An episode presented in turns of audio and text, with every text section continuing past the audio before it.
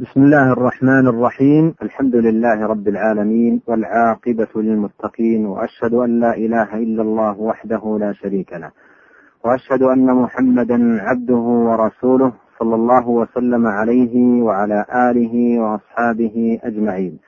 أما بعد أيها الإخوة المستمعون السلام عليكم ورحمة الله وبركاته. إن من القواعد المهمة في باب الأسماء والصفات أن نعلم أن أسماء الله الحسنى لا تدخل تحت حصر ولا تحد بعدد معين وقد ورد في السنة النبوية دلائل واضحات تقرر هذا الأمر وتجليه. ومن ذلك ما رواه مسلم في صحيحه. عن أم المؤمنين عائشة رضي الله عنها قالت فقدت رسول الله صلى الله عليه وسلم من الفراش فالتمسته فوقعت يدي على بطن قدمه وهو في المسجد وهما منصوبتان. وهو يقول اللهم أعوذ برضاك من سخطك وبمعافاتك من عقوبتك وأعوذ بك منك لا أحصي ثناء عليك أنت كما أثنيت على نفسك. فأخبر صلى الله عليه وسلم أنه لا يحصي ثناء عليه ولو أحصى جميع أسمائه لأحصى الثناء عليه. ومن ذلك أيضا ما ورد في حديث الشفاعة الطويل أنه صلى الله عليه وسلم قال ثم يفتح الله علي من محامده وحسن الثناء عليه شيئا لم يفتحه على أحد قبلي. فدل الحديث على أن هناك محامد من أسماء الله وصفاته يفتح الله بها على رسوله صلى الله عليه وسلم في ذلك اليوم وهي بلا شك غير المحامد المأثورة في الكتاب والسنة. وأيضا فقد ثبت في المسند وغيره من حديث عبد الله بن مسعود رضي الله عنه أن النبي صلى الله عليه وسلم قال ما أصاب عبدا هم ولا حزن فقال اللهم إني عبدك وابن عبدك وابن أمتك ناصيتي بيدك ماض في حكمك عدل في قضاؤك أسألك بكل اسم هو لك سميت به نفسك أو أنزلته في كتابك أو علمته أحدا من خلقك أو استأثرت به في علم الغيب عندك أن تجعل القرآن ربيع قلبي ونور صدري وجلاء حزني وذهاب همي إلا أذهب الله همه وحزنه وأبدله مكانه فرحا.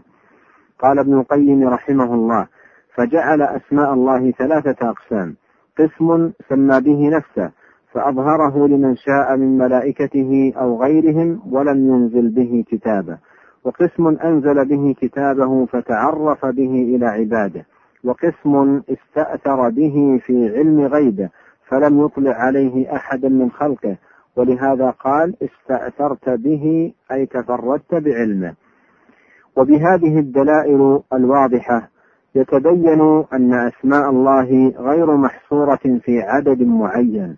وأما الحديث الذي رواه البخاري ومسلم في صحيحيهما عن أبي هريرة رضي الله عنه عن النبي صلى الله عليه وسلم أنه قال إن لله تسعة وتسعين اسما مئة إلا واحدا من أحصاها دخل الجنة فلا يفيد حصر أسماء الله في هذا العدد المعين المذكور في الحديث.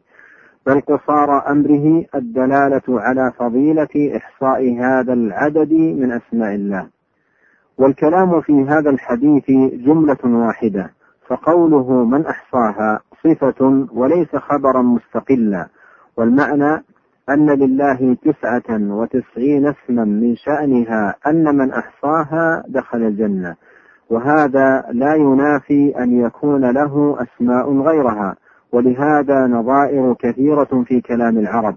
كما تقول إن عندي تسعة وتسعين درهما أعددتها للصدقة فإن هذا لا ينافي أن يكون عندك غيرها معدة لغير ذلك. وهذا أمر معروف لا خلاف بين العلماء فيه.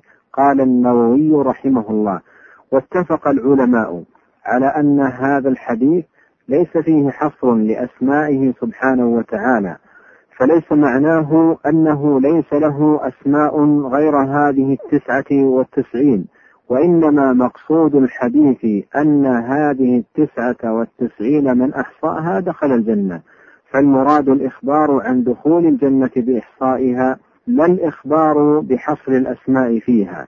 ولهذا جاء في الحديث الآخر أسألك بكل اسم سميت به نفسك أو استأثرت به في علم الغيب عندك وقد ذكر الحافظ أبو بكر ابن العربي المالكي عن بعضهم أنه قال لله تعالى ألف اسم قال ابن العربي وهذا قليل فيها والله أعلم.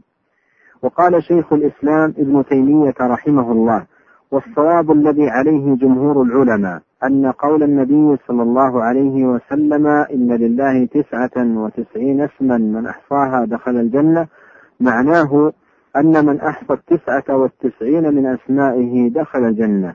ليس مراده أنه ليس له إلا تسعة وتسعون اسما.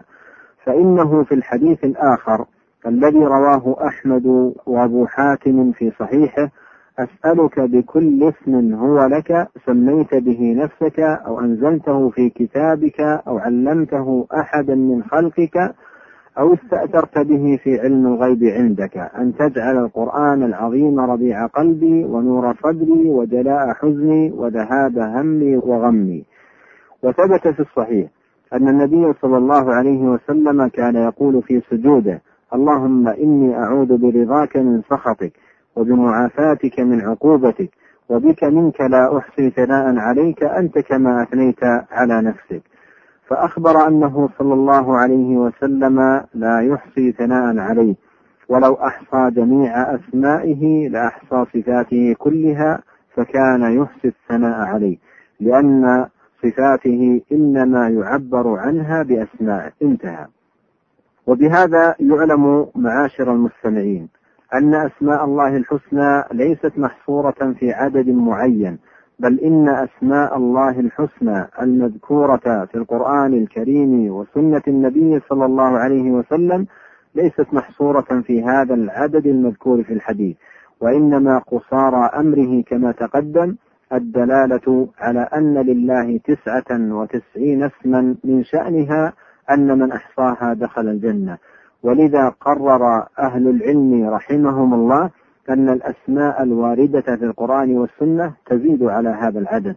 قال شيخ الإسلام ابن تيمية رحمه الله وإن قيل لا تدعو إلا باسم له ذكر في الكتاب والسنة قيل هذا أكثر من تسعة وتسعين. وعلى هذا فإن من جمع من أهل العلم تسعة وتسعين اسما من أسماء الله وجمع غيره أسماء أخرى فتوافق في بعضها واختلف في بعض. لا يعني ذلك أن ما اختلف فيه بعضه ليس من أسماء الله لتجاوز ذلك التسعة والتسعين. بل قد يكون ما جمعاه كله من أسماء الله وإن تجاوز التسعة والتسعين. وعلى كل فالعبرة في صحة ذلك الاسم أو عدمها قيام الدليل عليه من الكتاب والسنة. وإذا تبين خطأ قول من حصر أسماء الله تعالى في تسعة وتسعين اسما بناء على فهم خاطئ للحديث فإن قول من قال إنها ثلاثمائة أو ألف أو أربعة آلاف أو غير ذلك من الأرقام فخطأه ظاهر لأنه قول عار عن البينة وكلام مجرد لا دليل عليه ولا برهان والله تعالى يقول وأن تقولوا على الله ما لا تعلمون ويقول ولا تقف ما ليس لك به علم وبهذا نصل أيها الإخوة إلى تمام هذه الحلقة وإلى لقاء آخر والسلام عليكم ورحمة الله وبركاته.